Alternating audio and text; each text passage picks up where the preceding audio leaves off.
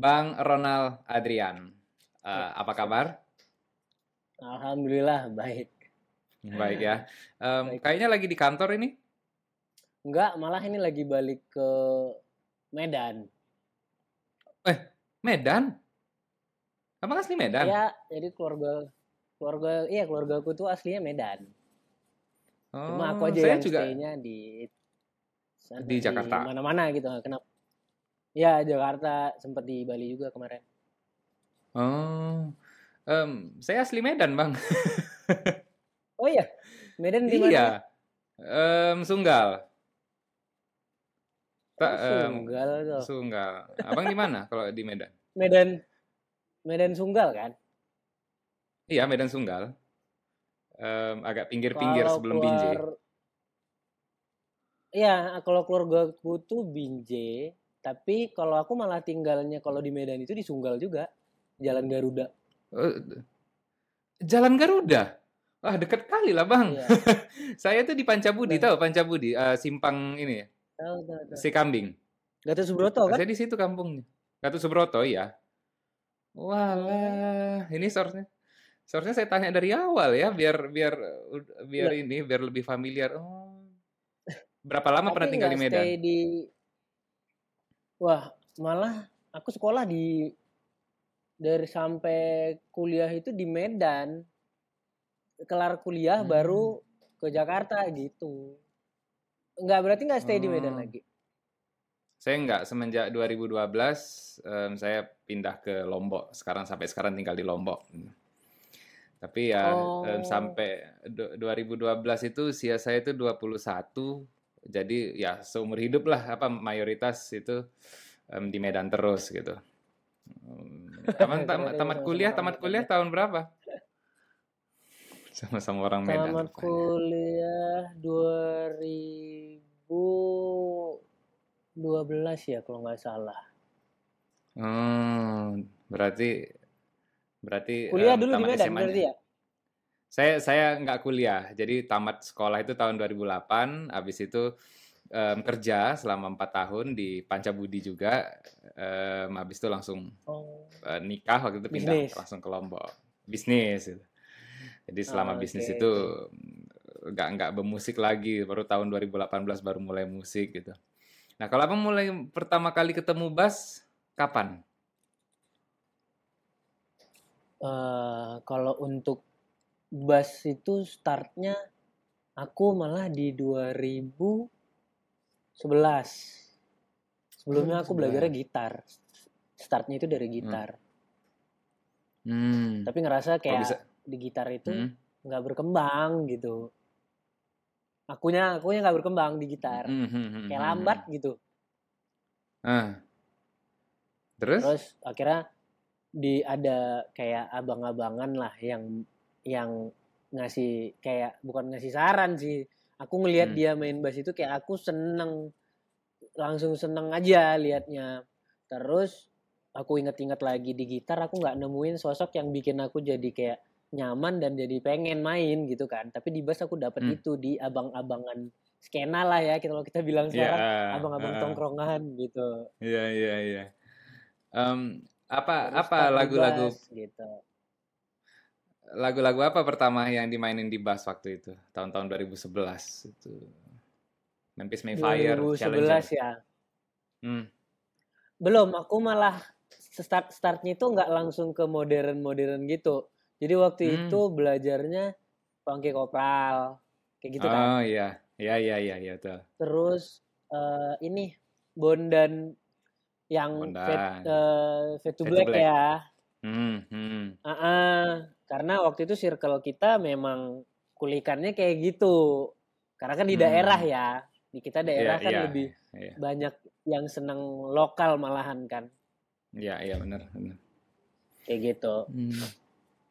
ya soalnya kalau tahun 2011 itu Bondan itu udah sekitar hampir itu kan era-era musik warnet itu musik-musik Bondan benar ya kan Fangkop itu malah ya. lebih lama lagi gitu kan jadi ya. agak agak agak agak kalau bahasa saya itu ya agak agak lagu klasik lah di di zaman itu sudah klasik lagu lagu-lagu kayak begitu kan yang dihafal gitu. Iya, dan hmm. kita malah basis berkembangnya dari lagu-lagu itu kan sebenarnya lagu-lagu kalau iya, untuk iya loka, di musisi-musisi lokalnya atau Indonya kita banyak berkembang pakai lagu-lagu kayak gitu kan. Iya benar ya. Itu itu itu yang orang lebih bisa respect Cuman, juga kan. Iya, karena waktu itu menurutku terhitung eh, karena akses internet itu belum kayak sekarang satu terus hmm. pada zaman itu masih menggunakan CD yang lebih banyak kaset hmm. pita udah iya. agak ditinggalin kan waktu itu waktu ya, di Medan ya, ya. aku nggak ya, tahu daerah bener. lain Iya, iya. Berkembangnya sih waktu itu kayak gitu. Dan sam bener, udah mulai warnet. Kalau yang mau rajin ngulik harus ke warnet kayak gitu ya dulu ya? Ya benar. Ya um, apa ngapal-ngapal lagu Bondan Funky Kopral gitu. Um, kapan mulai pindah ke lagu-lagu metalcore? Apa sempat metalcore gak sempet sempet. Malah aku ya, kan? uh. start metalcore dulu. Nah oh. waktu ngulik si Bondan dan Funky Kopral itu aku sebenarnya aku udah langsung sadar kalau aku itu nggak yang fang bukan Bondan kan fang ya iya uh. kayak uh, jadi aku langsung sadar aja touch buat jariku itu sebenarnya bukan yang bener-bener tight ketika bermain fang atau slap slap hmm. yang fang groove groove gitu aku sadar aku bukan ke arah situ gitu jadi hmm. coba ngulik-ngulik uh, denger-denger cari referensi lain. Di situ waktu itu eranya si Attack Attack setelah 2000 berapa ya? 2012-an lah ya. Attack hmm. Attack udah nggak terlalu post hardcore. Dia udah ya. agak jadi metalcore. Metalcore banget ya era itu iya ya. kan? S King. Hmm. Terus Weekends, S Romance, ya sejenis ya. itulah. Hmm. Nah, akhirnya aku mikir, aku kenapa lebih seneng ke lagu-lagu ini, terus walaupun memang gak skillful, tapi kan nyaman aja gitu ya. Ya, ya, Nyaman ya, ya, mainnya, ya. asik buat dibawain, ngerasa keren aja gitu pas bawain. Nah, startnya itu dari situ. Kemungkinan di 2012-an lah aku udah nggak ngulik yang funk-funk lagi, mulai ke metalcore. Biasanya kalau saya nih ya progresinya dari metalcore akhirnya ketemu lagu-lagu kalau nggak progresif metalcore kayak intervals, periphery, kita biasanya ketemu okay. gen. Okay. Ya kan? Ama ketemunya ya. ke ke arah gen atau ke arah prog metalcore dulu? Malah ke prog metalcore dulu. Hmm, kayak periphery ya. Prog metalcore ya periphery tapi pada saat itu masih terlalu progresif yang album album awal-awal tuh kan emang kenceng banget kan. Oh iya, iya. Kayak iya, masih berasa ada blasting, blast beat, masih ada sekilas kayak gitu-gitunya. Yang iya, waktu iya, itu iya, bener, bener. aku nggak langsung nangkep, belum bisa langsung cerna. Tapi setelah hmm. uh, masuk ke album berikutnya, nah mereka kan udah agak penyesuaian tuh. Baru aku iya, udah masuk, iya. agak masuk ke peri-peri hmm. gitu. Itu, itu album 2016 eh 2016 tuh EP-nya ya eh uh, yang Marigold. Marigold itu udah mulai lebih bisa diakses. Ya, tapi kalau yang kan, masih eh. kayak lagu ah judulnya aku lupa. Mac, Alpha. Total Destroy bukan? Ah iya, seera-era Mac Total malah masih udah lumayan ya. Maksudnya udah ada groove yang Oh iya, iya. Memang berasa wah ini peri-peri gitu kan. Kalau yang sebelum-sebelumnya itu kayak menurutku masih dark gitu. Asik mm, tapi hmm, dark hmm. waktu itu. Gitu sih. Hmm. Iya iya iya sih iya sih. Saya soalnya yang familiar pertama kali itu Make Total Destroy itu. Saya rasa itu adalah lagu yang paling susah di dunia waktu itu gitu. Ya, saya ya, tahu ya. Dream Theater, cuman Dream Theater pun kalah kalah susahnya gitu dibanding dibanding ya. Make Total Destroy waktu itu. Um, uh, waktu itu, itu ngeband juga. Hmm? Ngeband ngeband ngeband ngeband ngeband malah uh, sebenarnya lebih banyak ngeband malah belakangan ini Iya, pokoknya waktu di tahun-tahun itu aku banyak ngeband malah yang metalcore itu aku aplikasiin ke band-bandku gitu. Udah mulai hmm. referensinya dari metalcore metalcore itu. Bandnya waktu itu alirannya metalcore juga um, atau aliran yang lain? Enggak lah, jatuhnya kita uh, waktu itu modern rock lah, nggak nyampe ke metalcore. Oh, modern. Hmm, Wah, modern berarti agak-agak agak-agak komersial sedikit kalau bisa saya bilang. Boleh. Avenged Hmm. gitulah sebenarnya. Oh iya, Akhirnya iya, bandnya itu Avenged. kayak Avenged kan. Hmm. Masih Hmm, hmm, hmm. masih ada banyak nada-nada yang bisa dinikmatin gitu. Iya. Em, terus kok bisa gitu tiba-tiba terpikir untuk ini, untuk apa namanya ikut audisi jadi basisnya eh, Indra Lesmana Project. Sebenarnya kan semua uh, ini ya, maksudnya kalau kita audisi itu iseng-iseng berhadiah gitu ya. Iya, Tapi iya, iya. Tapi aku waktu itu malah nggak iseng-iseng berhadiah juga, lebih ke waktu itu aku sampai sekarang sih rajin ngonten-ngonten sendiri kan, seru-seru sendiri, Iya, em, asik-asik iya. sendiri aja gitu. hmm. Ya, yang nggak nggak mikirin harus apa, harus apa. Terus waktu itu teman-teman teman-teman basis juga sih kayak ngetek eh ini ada audisi ikutan dong kayak gitu. Hmm. Terus aku pikir ah kalau buat dikontenin seru juga karena eh, kalau ada audisi entah itu band atau solo gitar atau solo bass insight buat ke akun eh, kita itu kan bagus ya Iya, karena iya, pada iya, saat itu betul. orang kepo gitu ya Iya, aku cuma iya, ngejar itu aja biar insight-nya. Instagramku lumayan ah gitu aja Iya, iya. em. ya udah aku iseng coba dengerin menurutku itu memang memang materinya Mas Indra itu susah ya untuk yang progresif Hmm. aku agak agak gimana ya waktu itu buatnya itu juga sebenarnya udah di dalam hati yang aku mainin itu nggak enak menurutku isianku cuman ya Hmm. udahlah demi konten sikat aja Buat gitu. aja. tujuannya itu aja nggak ada mikir wah ntar kepilih gimana nggak ada bahkan waktu udah pengumuman aku take down videoku kan itu Oh, aku take down karena aku udah ngerasa ya udah udah cukup nih kan udah mau pengumuman hmm. Iya, iya. ah udah cukup nih videonya udahlah ntar bikin malu gitu kan jadi aku take down kayak gitu Terus tiba-tiba diterima. Ya Mas Indra tuh DM videomu mana ya? Yang kepilih ini kamu. Sebenarnya serius nggak sih ikutan Hmm. gitu kalau nggak salah Mas Indra bilangnya. Terus terus gimana habis itu? oh iya udah Mas. Maaf maaf. Ini aku eh, tampilin lagi. Sorry sorry gitu. Agak diomelin. Ngapain ikutan sih kalau nggak yakin gituin Hmm. lucu sih waktu itu. Eh, Terus gimana rasanya begitu tahu di, diterima?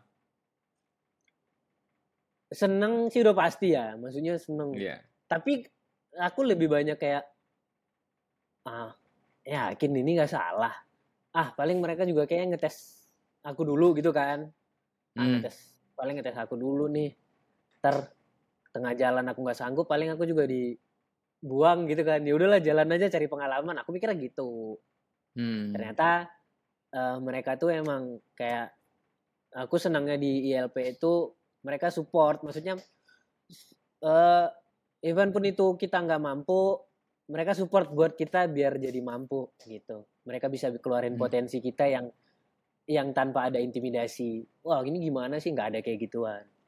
Jadi kita juga makin yakin aja karena dikasih nyaman dulu kan. Akhirnya kita berani ngeluarin potensi kita. Yang kurasain di ILP sih kayak gitu Kalau menurut Bang Ronald, em, ILP ini band yang kayak mana dari segi musiknya gitu? Kalau wah gimana ya? Kalau boleh dibilang bukan karena aku udah join. Materi ILP itu sulit. Satu, itu udah pasti sulit. Bahkan mungkin selama aku main musik progresif, yang sulit itu di paling sulit aku ngulik ya. Hmm. Nggak tahu aku kulikanku sebenarnya belum banyak. Tapi untuk di progresif kulikan yang paling sulit itu di ILP. Entah itu kulikan atau juga secara dimainkan secara live.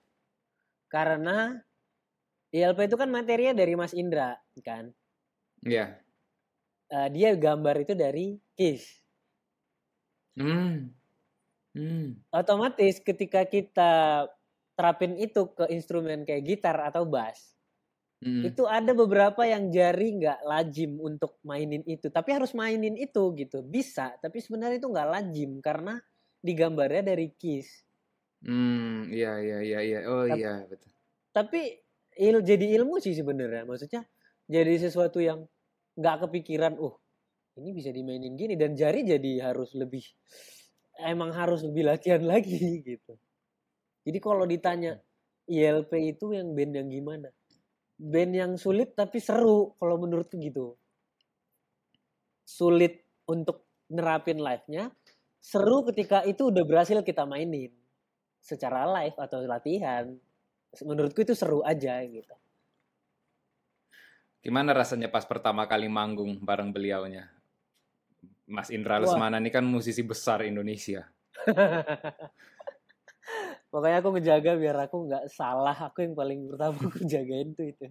Jangan salah, jangan salah gitu. Akhirnya kayak diem, ngapalin bener-bener ngapal kan. Dan bener-bener kayak yang memang beda sih. Maksudnya ngelihat sosok Mas Indra-nya gitu kan. Kita juga dituntut. Nggak ada tuntutan sih sebenarnya. Cuman kayak dari dalam diri udah. Ini bukan sesuatu yang main-main lagi. Emang harus tanggung jawab bener-bener gitu. Hmm. Lebih ke situ sih ngejaga tanggung jawab mainnya.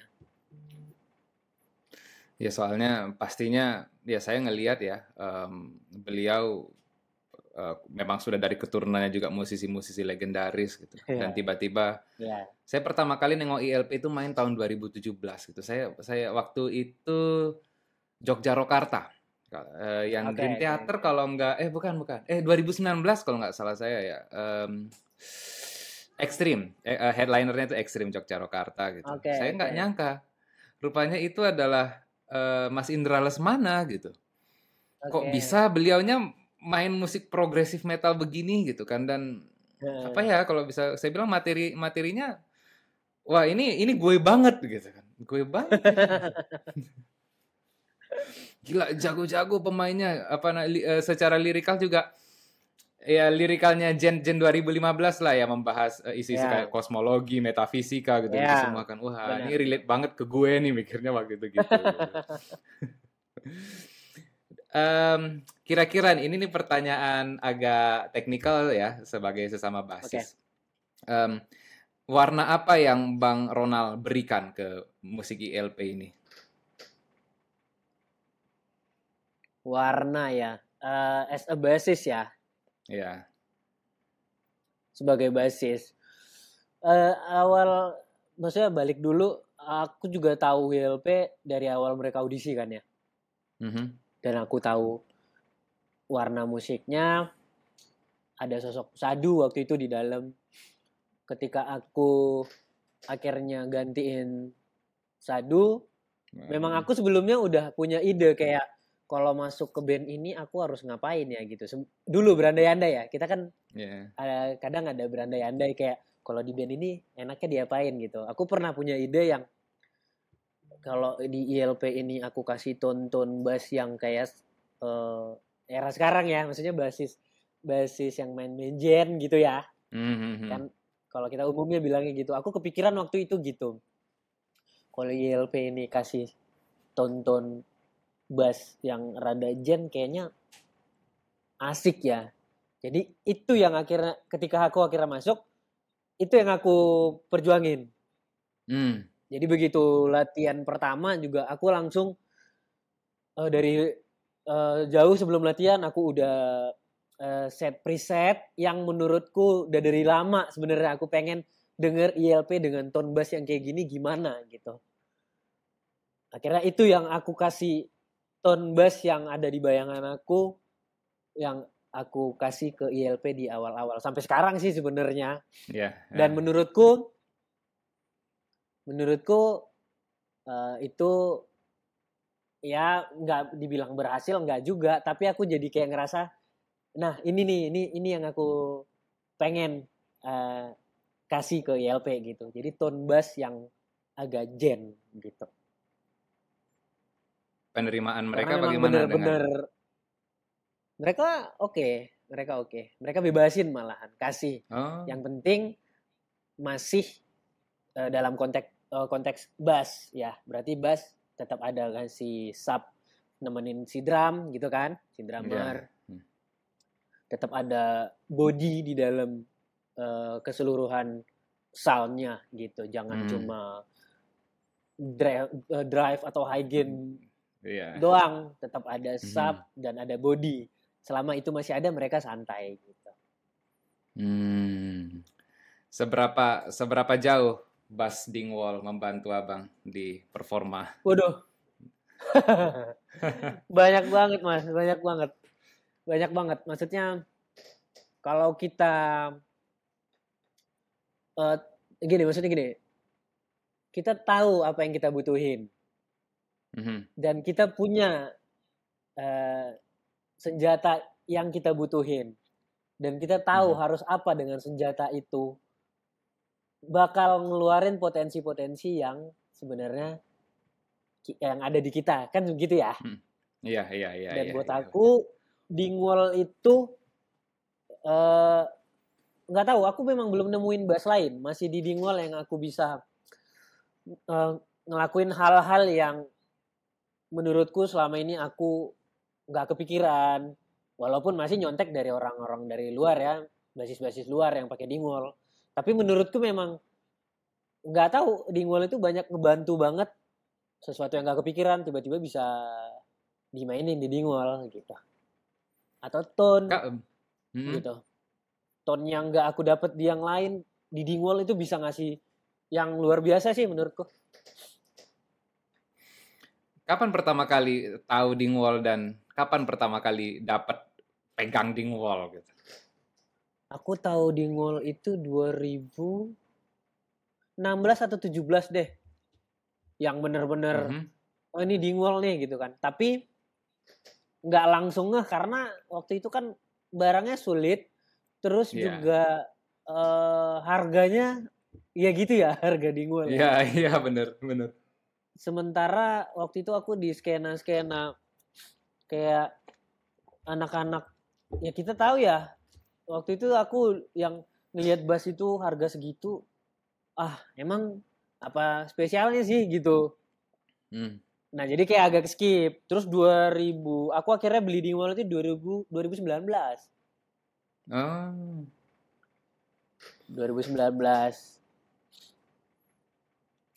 Em, waktu itu 2019 awal aku 2006. beli NG3. NG3 ya yang warna Ya, purple. purple. Nah, ya, purple. Eh, Iya kan ya eh, iya saya saya kepoin waktu itu. Em, siapa Yang artis swirl ya? Dingwall yang pertama? Ya, swirl, purple swirl. Udah nggak pernah dipakai lagi ya? Udah aku jual. Oh, ini dijual. Heeh. udah mau udah sayang sih sebenarnya.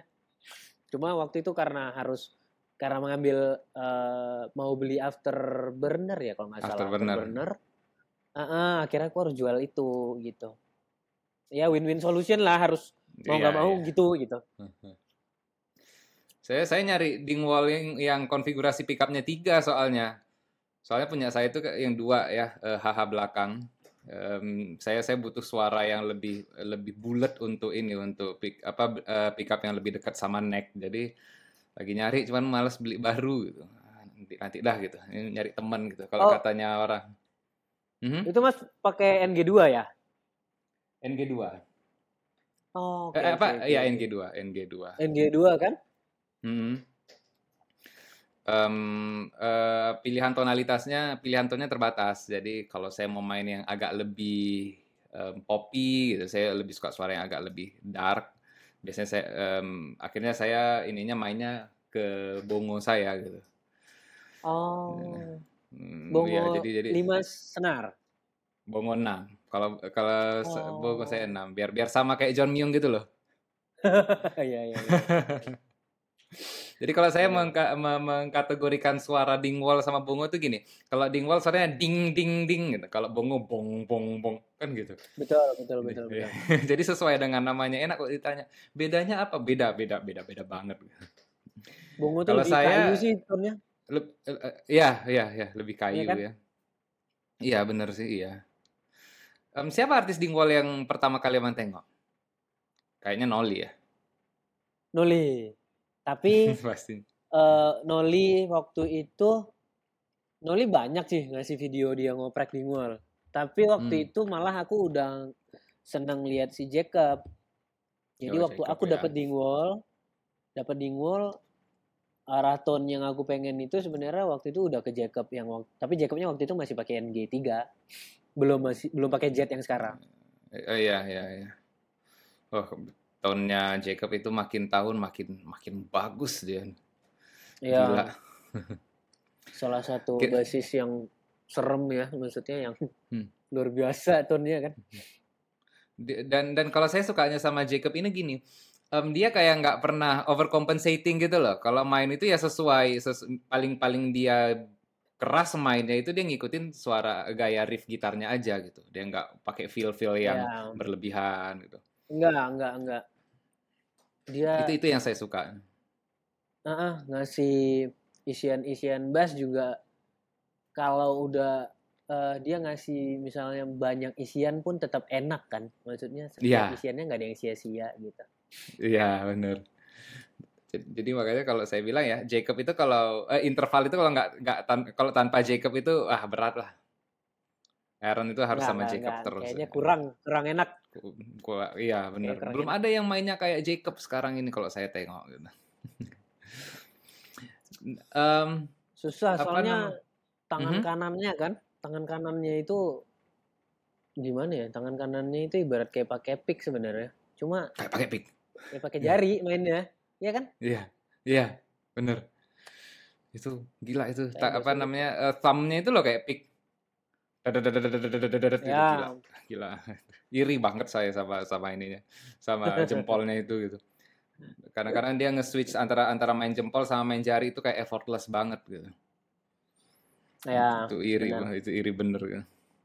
Um, apa pandangan soal artis di ngol yang lain kayak ini misalnya um, Arch Spire siapa Jared Smith Jared Smith luar biasa itu kan kayaknya itu itu itu kalau luar biasa itu gila itu juga sama kan sebenarnya untuk dia main technical ya dia main technical tapi kita bisa nikmatin ya kan? Iya, iya, iya. Jadi kalau kita musik bisa Archspire itu kok setiap tone-nya. Eh, itu Archspire itu dia dia kita transkrip eh, lagunya ke orkestra itu tetap en- jadi makin enak gitu. Jadi kayak gimana ya? Oke, musiknya ya tech death gitu kan. Tapi kalau kita buat jadi ini ya jadi jadi musik orkestraik dia wow tetap tetap tetap seru gitu. Pas pertama kali ini eh, Bang Ronald bawa bass dingwall main di panggung, apa apa ada nggak tanggapan orang yang wow unik banget bassnya gitu-gitu ada nggak yang gitu? mungkin untuk yang tahu eh, gitu sih. Maksudnya eh, di Indo kalau menurutku belum belum semua musisi tertarik sama dingwall ya. Masih segmented Mhm, sih sebenarnya. Mhm. buat yang tahu brand itu langsung wah ini ya dingwall gitu. Pada lihat gitu kan. Pada Hmm. kayak excited gitulah. Wah ini dingwall ya gitu. Cuma menurutku kita di Indo itu nggak tahu karena harga atau karena pasar dingwall ini banyak ke metal kah nggak tahu pokoknya menurutku di dingwall itu belum semuanya musisi tertarik sama brand ini menurutku Mhm. gitu tapi kalau skena skenanya yang metal udah pasti lah ya Ya, ya, ya. Em, soalnya kan gitu apa ya namanya ya? Pasti dari segi dia multiscale kan itu kan menarik di apa namanya kayak novel banget sama orang itu wah unik banget gitu kan. iya Kok ada bass yang kayak kok begitu miring gitu gitu kan. ya Iya gitu. ya gitu Itu itu saya pas main pakai dingwall itu gampang banget mau pansos itu di antara musisi-musisi skena metal di di di Indonesia gitu. Karena karena karena unik dan barang langka gitu. Makanya saya sebenarnya kurang setuju kalau pengguna dingwall di Indonesia dibanyain.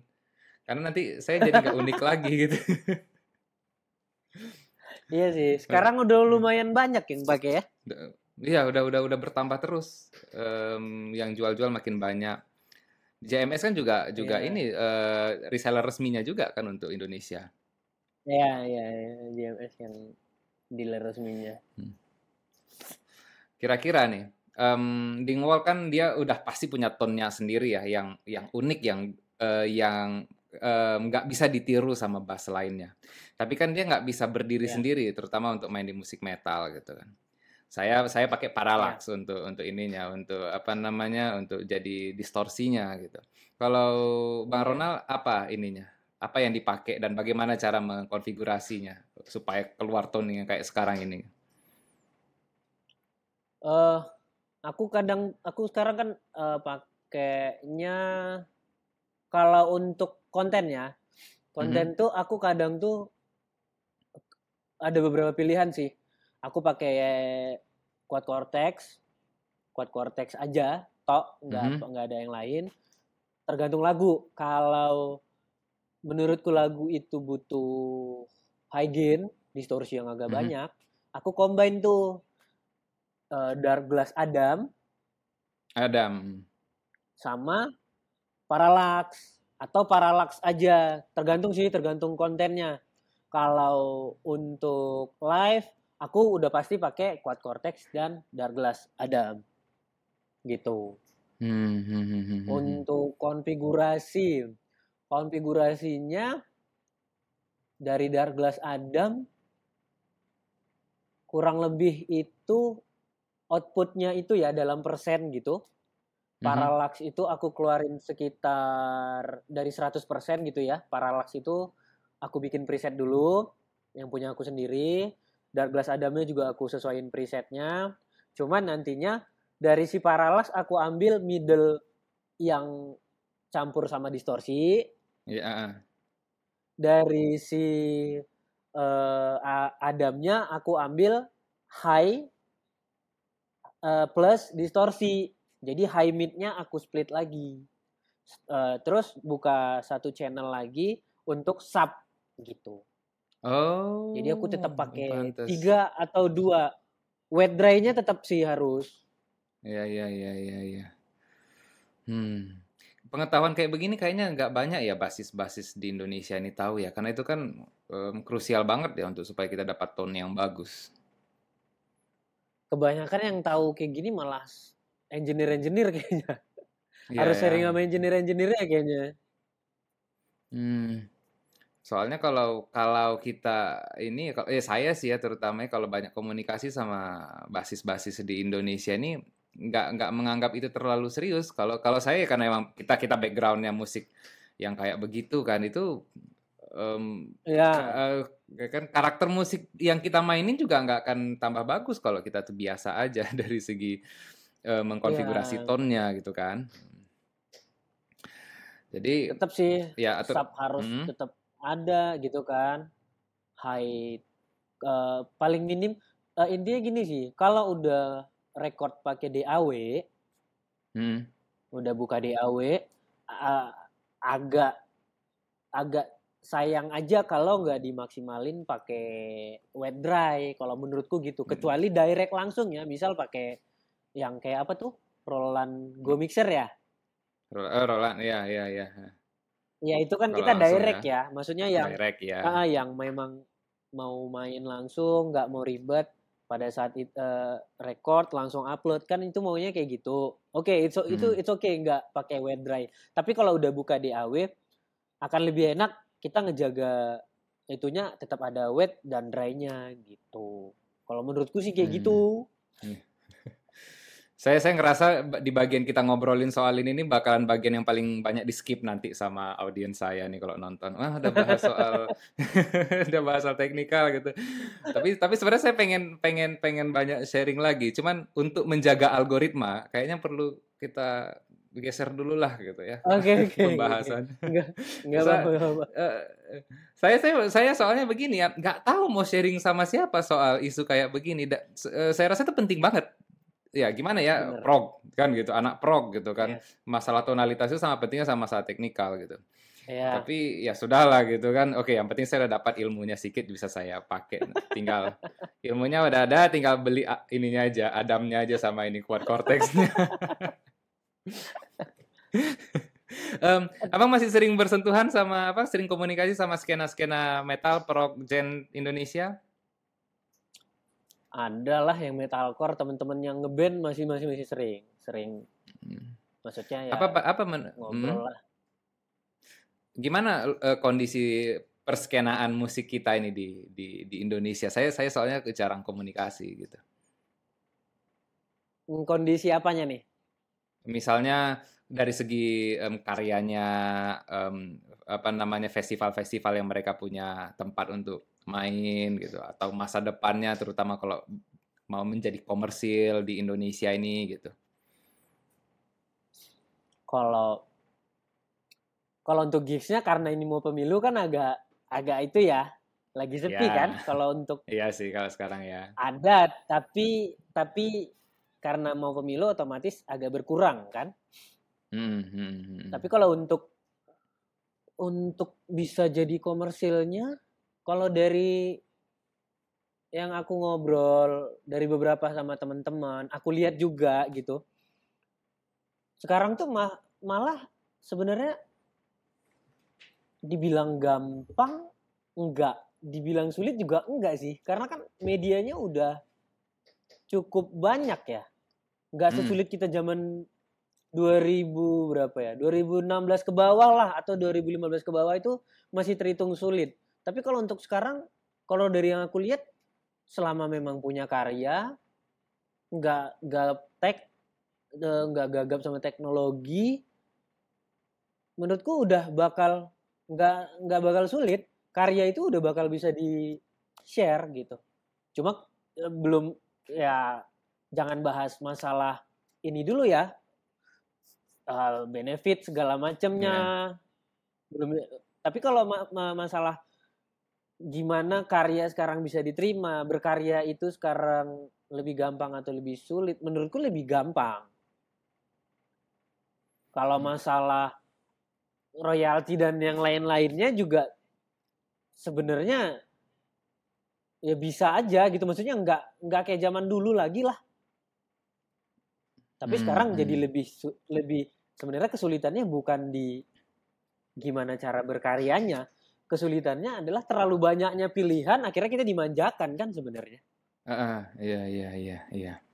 itu sih sebenarnya sekarang kalau Hmm. menurutku Em, persaingannya bagaimana misalnya? Kan gini ya, kita banyak band juga nih sekarang yang main di aliran-aliran kayak begitu. Kita mau menjadi eh, pasti kebanyakan musisi juga pengen terkenal gitu ya. Em, saya saya bukan bukan Ya. musisi komersil, jadi saya nggak relate sama masalah ini. Tapi saya pengen tahu gitu. Em, ini kan masalah juga eh, yang yang harus dihadapin sama kebanyakan musik-musik musisi-musisi aliran-aliran keras kayak begini gitu. oke Hmm, sebenarnya kalau dibilang persaingan ya berarti Mhm. topiknya persaingan kan ya Ya, ah.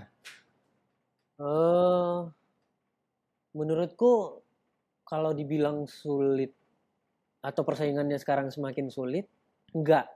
Karena gini, pandang kalau aku ngelihatnya gitu ya, aku Mhm. sering nih merhatiin banyak eh, band sekarang kan contoh kecilnya gitu, bikin sponsor di Instagram, ya, Hmm, hmm, iya.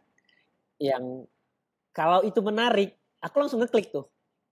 Misalnya packagingnya bagus, lagunya juga kayak di master dengan uh, oke gitu ya.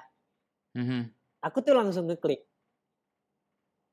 Gitu, aku langsung ngeklik dan ketika itu aku lihat dia sustain untuk memang berkaryanya berkelanjutan, aku tuh langsung kayak follow Hmm. Maksudku ini ini basic ya, basic basic eh, kita kan tadi bahas persaingan, terus caranya apakah sekarang untuk jadi komersil dan lain-lain itu sulit.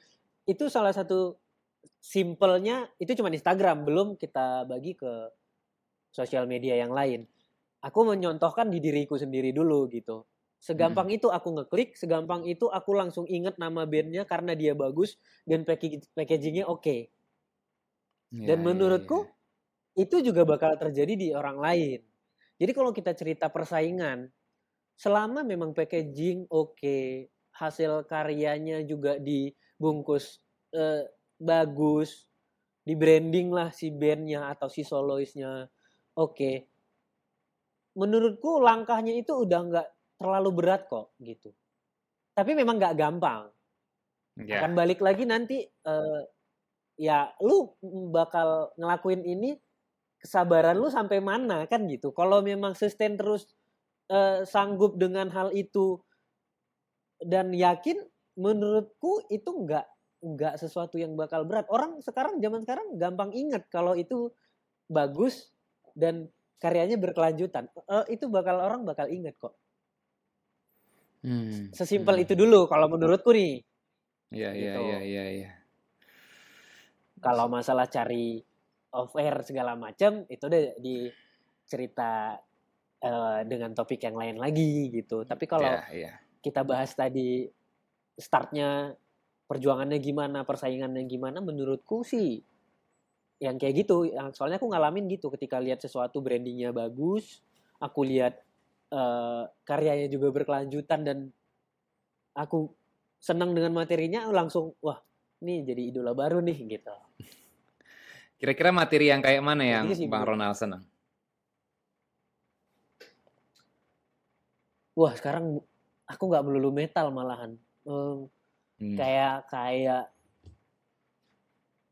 pokoknya kayak kemarin tuh ada band dia kayak mirip mirip 1975 gitu Hmm? tapi brandingnya oke gitu aku lupa Hmm. namanya tapi aku follow tuh di IG itu di Band mana? Indo Oh, terus band Indo. juga Indo Indo terus juga ada Hmm. waktu itu band dia dari Rusia kalau nggak salah followers itu masih 400-an tapi ininya bagus maksudnya. Aku pertama kali lihat itu dari ya itu sponsor sponsor Instagram. Hmm. aku lihat ya udah karena musiknya bagus. Padahal waktu itu dia lagunya masih dua atau tiga. Aku follow karena menambah karena menurutku musiknya itu beda dia instrumental beda dan eh, packagingnya bagus. Ya udah aku follow. Terus udah langsung eh, cek Spotify ada ya udah jadi playlist baru gitu ya simpel itu sih menurutku Menurut Abang musik yang bagus itu kayak mana? musik yang bagus ya Iya. Wah ini pertanyaannya sulit. musik yang Iya. bagus. Kalau musik yang bagus, kalau aku pribadi, Mhm. Eh, aku nggak peduli genrenya apa. Selama aku bisa nikmati notasinya dan itu masuk ke aku, itu menurutku bagus. kalau aku sih kayak gitu ya. Notasinya aku suka, gitu. Mhm. Em, Oke, ini coba saya kasih beberapa nama band ya. Bring Me the Horizon Hmm, yang baru. Oke, terakhir kan Cool Aid, oke. em, Kingslayer. Itu bagus nggak? Bagus. Kalau dia bagus kenapa gitu? Kingslayer, Cool Aid ya. Kalau bagus, maksudnya ini bagus. Kenapa dia bagus gitu ya? Kenapa dia bagus ya? Kalau BMTH jatuhnya aku udah nggak bis, udah nggak ini karena apa pun yang dikeluarin sekarang, Mhm. aku udah nggak bisa ngefilter. Kalau pertanyaan gitu, aku udah nggak bisa jawab sih sebenarnya kalau BMTH. Iya, Karena BMTH. menurutku semua yang dikeluarin BMTH bagus. Jadi kan udah nggak objektif dong. Iya, Iya iya. kan? Karena karena aku udah terlalu su- suka gitu. Maksudnya cari Hmm. yang lain aja. Soalnya gini, eh, BMTH ini kan dia eh, berkembang dari era pertama dia deathcore, tiba-tiba pas masuk Jordan Fish kan, tiba-tiba kok jadi Ya, eh, aliran sempi, eh, sem- album Sempiternal gitu kan. Kok jadi Sempiternal. begitu? Saya saya saya baru masuknya di era Sempiternal, jadi saya nggak tahu di era deathcore-nya. Cuman em, Oke. sesederhana apa pun musiknya BMTH, em, saya ngerasa memang dia bagus gitu loh. Em, ya. saya saya saya nggak tahu persis apa yang bikin dia bagus mungkin memang melodic eh, choicesnya ya dari dari si keyboardisnya juga habis itu saya ngerasa kayak BMTH ini bukan hanya sekedar band dengan vokalis yang biasa aja tapi memang ada ada ada Ya. layer of apa ya expression yang nggak kita dapat dengan musik-musik yang lain gitu. Ya.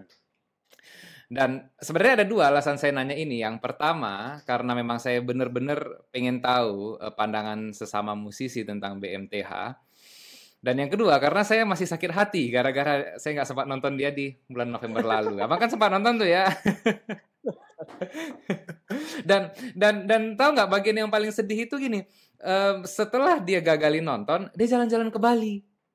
Anjir, jalan-jalan ke Bali gitu kan. Aku lo nggak jadi nonton, kamu jalan-jalan ke Bali gitu.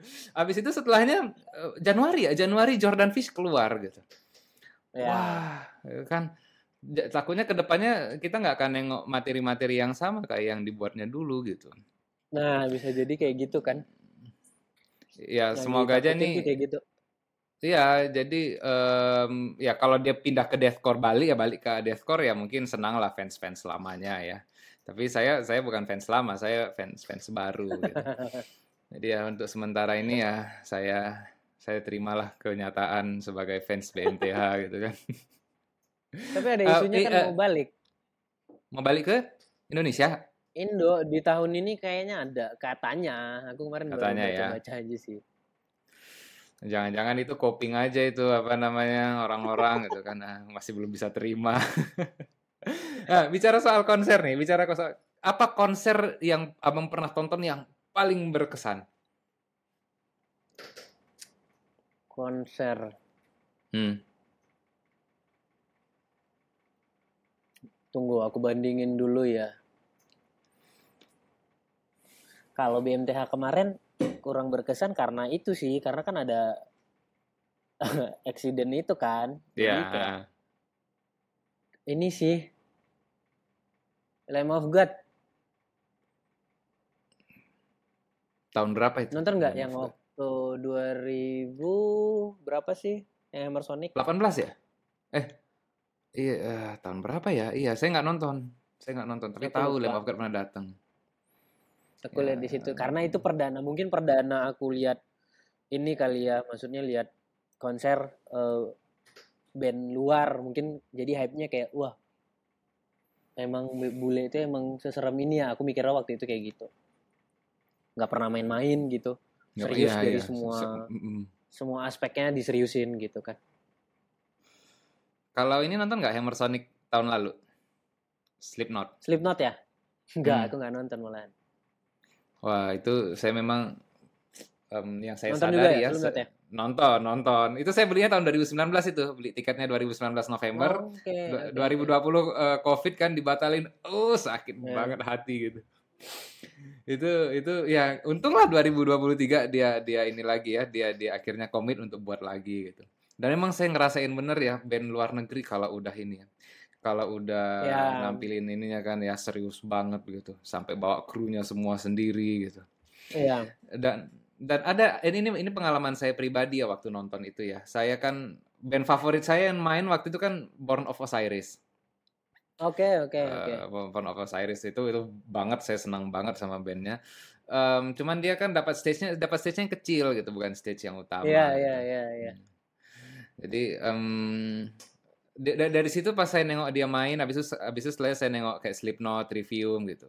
Pastinya secara teknikal kalah jauh lah uh, Slipknot, Trivium sama Born of Osiris ya. Tapi yeah. ada satu yang membuat saya gini mikir, wah cocok lah Slipknot sama Trivium di di pentas utama gitu. Mereka benar-benar menghibur gitu. Sementara Born of Osiris itu seperti ada beberapa persen dari penampilannya memang hanya untuk kelihatan supaya oh kelihatan jago gitu kan. Iya, iya. Ya, band-band teknikal lah gitu kan. Iya. Ini dari, dari situ dari situ saya mikir gini, um, saya saya saya nyadarin um, ternyata memang kita sebagai musisi ini nggak boleh terlalu egois juga. Pada akhirnya kalau kita naik ke panggung itu kan kita harus menghibur gitu. Iya. Dari situ benar. dari situ saya udah makin kurang ini ngisi-ngisi acara musik gara-gara ntar dulu masih banyak lagi menghibur gitu. Minder, minder karena wah gila Slipknot ah keren banget keren banget. Dan itu penampilan terakhirnya Jay Weinberg kan karena dia keluar setelahnya. Ya habis itu cabut ya. Cabut dia. Benar-benar. Apa perasaan anda begitu tahu Jay Weinberg keluar? Penggemar Slipknot juga nggak? Penggemar aku juga suka Slipknot. Agak ini sih tapi setelah itu kan dia update. Kalau dia lagi ini kan lagi break buat eh kan dia lagi sakit apa sih? Eh, Waktu si itu ini, update-nya aku lupa. si Cory, Si, eh, bukan si J-nya. si J-nya. Oh, lagi sakit ya? Oh, saya nggak Iya. tahu itu.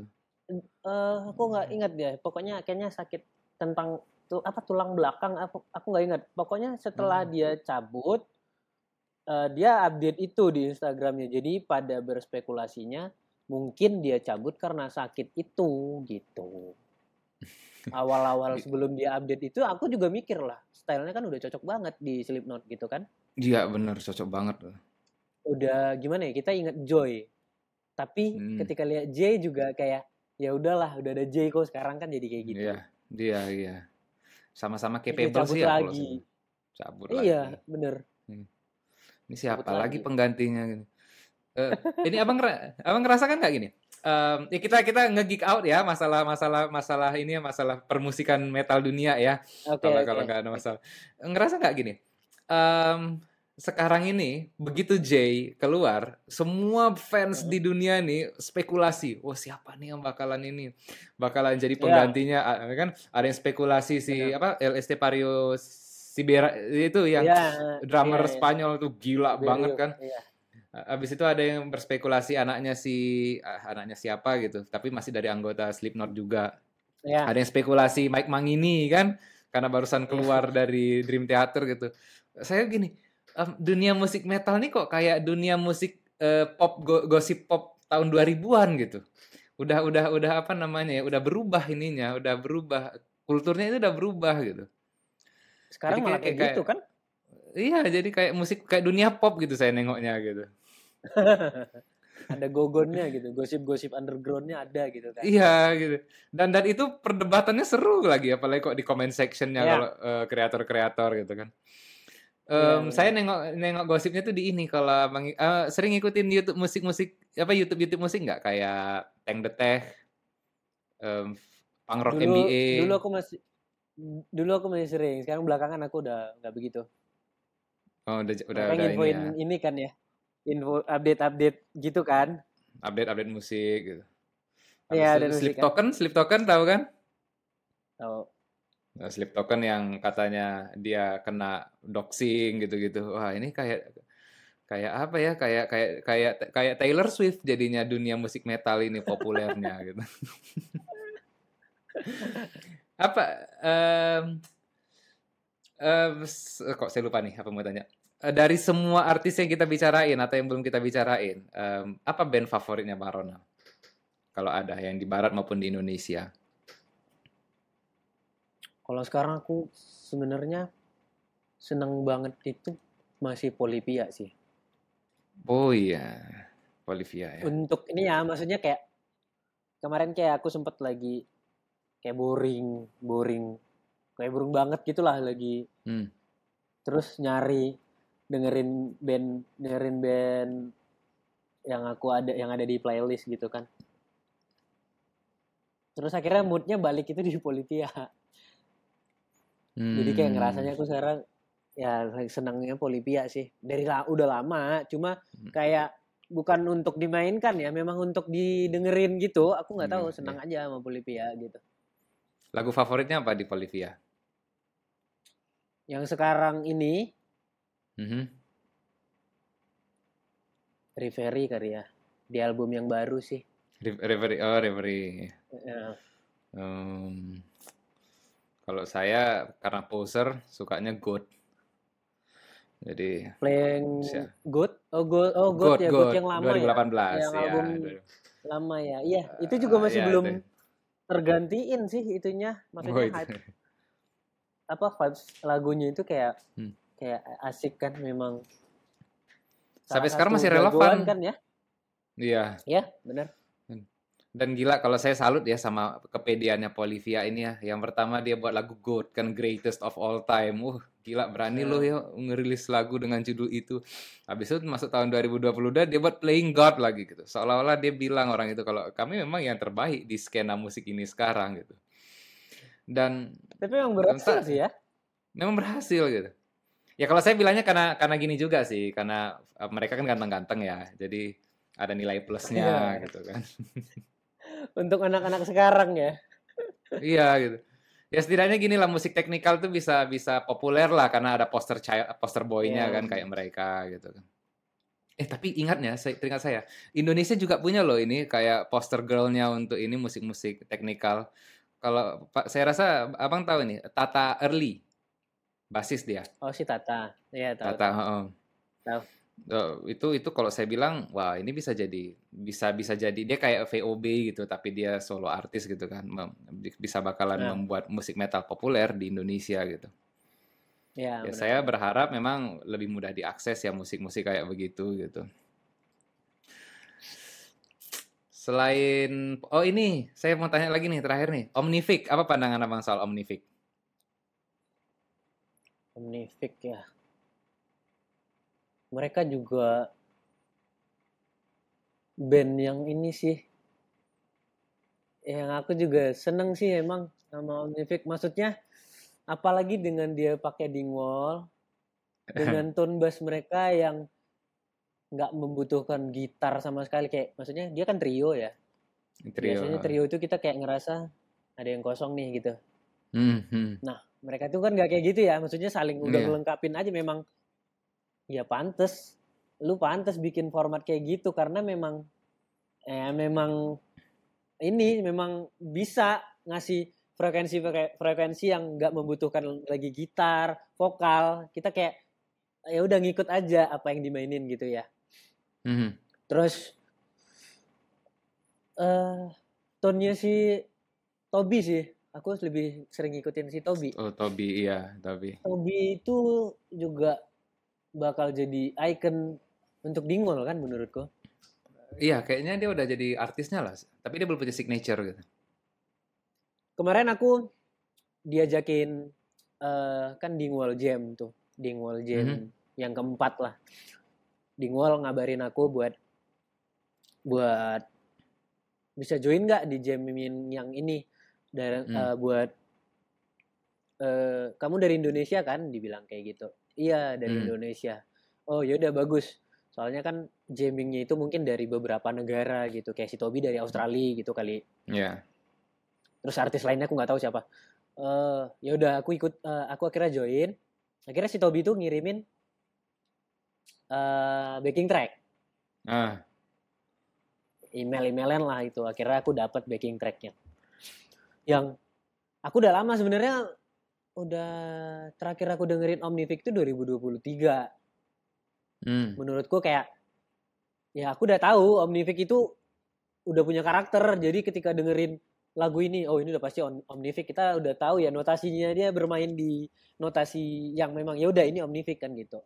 Terus Iya, aku kira dapat backing track yang jammingnya itu ntar hostnya itu si Toby ya Aha. udah aku dengerin tuh wah bangsat tone-nya dia sekarang udah makin wah tone-nya tuh kayak penuh gitu loh maksudnya kayak Iya. itu drum sama bass doang tapi aku kayak ini tone-nya dia apain ya sama si Toby nah dari situ aku baru denger tone si Toby yang sekarang gitu dan itu penuh Hmm. banget maksudnya kayak Hmm.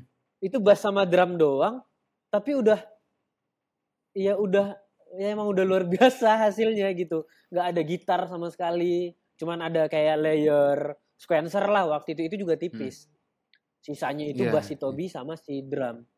Dan tone-nya itu ya kayak aku bilang tadi si Toby itu nggak butuh gitaris. Karena dia sendiri udah bisa nutupin semuanya gitu. Ya, itu itu itu dia kalau saya bilang gini, dia kayak primusnya metal gitu loh, primusnya gent gitu. Dia gitar, dia bass aja bisa, bisa nutupin semua gitu. Gila. bisa Cuman dia anaknya penggalau yang saya tengok gitu. Beberapa kali buat judul gitu, judul lagu gitu. Ini kayak lagi galau sih gini. Saya kira dia mau keluar tau dari Omnific. Gara-gara dia ini buat solo project gitu. Aduh jangan keluar gitu. Kan sempat itu ada ada konser dia nggak dia diganti sama sama Iya. additional gitu. Itu saya kira bener-bener mau ternyata keluar. emang saling banget. saling solo kan maksudnya kayak si si Matt-nya juga sempat solo kan ada album solonya eh, ada singlenya juga kan kalau nggak salah Oh saya nggak tahu Si Matt kalau kalau yang satu kalau lagi- Matt, Matt Fact ya ya. Iya, Matt Fact-nya juga Matt sempat Sempat ada solo kok jadi kayaknya memang mereka mungkin lagi penat atau gimana atau memang ya udah ini masing-masing solo dulu gitu kali Iya, iya, iya. Ya, saya saya sekarang ya bersyukurnya lah masih ini, masih ini. Mereka masih masih masih apa namanya? Masih satu band belum ini. Oh, ini udah satu ini udah udah, udah satu jam ini. Saya harus nanya pertanyaan terakhir nih. Saya punya pertanyaan terakhir. Tapi tapi saya nggak tahu nih kalau misalnya saya rasa masih masih bisa saya tanya lagi, saya tanya lagi. Cuman gini, kira-kira kalau abang punya kesempatan untuk buat band kayak Omnific di Indonesia ini, kira-kira siapa basis yang bakalan abang ajak dan siapa drummer? Saya udah Siapa punya ya? bayangan harus nih. di- harus Indo ya. Ya iya, kan Omnific rasa Indonesia gitu kita bilang gitu. Saya udah punya pikiran tapi nggak tahu nih, saya nggak mau kira-kira nih. Aku kepikiran kalau misalnya bikin gitu ya. Hmm. Mungkin yang satu si Reja. Iya, bener. Saya mikir yang itu loh, bener. Kalau drummer drummer ah drummer yang aku nggak tahu sih soalnya kan butuh tektok banyak tuh kan kalau bikin trio kayak Omnific sama drummer drummer juga bakal ngasih ide yang bakal ngebantu banget itu Hmm. drummer aku belum tahu Tapi kalau basis jelas Reza ya. Ka- kayaknya gitu karena aku kan udah pernah bikin konten Collab bareng ya. gitu kan maksudnya Iya, kayak iya. Iya sharing sharingnya kayaknya aku bisa nyambung sama si Reja gitu Hmm, hmm. karena Nah, harus satu pertanyaan lagi kan nih. harus banyak sharing gitu Iya, iya sih. Karena karena saya pikir karakter mainnya Abang sama Mbak Reja itu ada ada kemiripan walaupun yang saya tahu beliaunya itu mainnya punk hardcore ya kalau misalnya di balik ke Surabaya gitu. Saya waktu itu kayak kepoin gitu kan. Lah ini ini alirnya kok Oke. hardcore ya. Cuman punk hardcore-nya bawa ba- bass dingwall tali apa senar enam. Wih, ini semua orang bakalan bakalan terintimidasi gitu.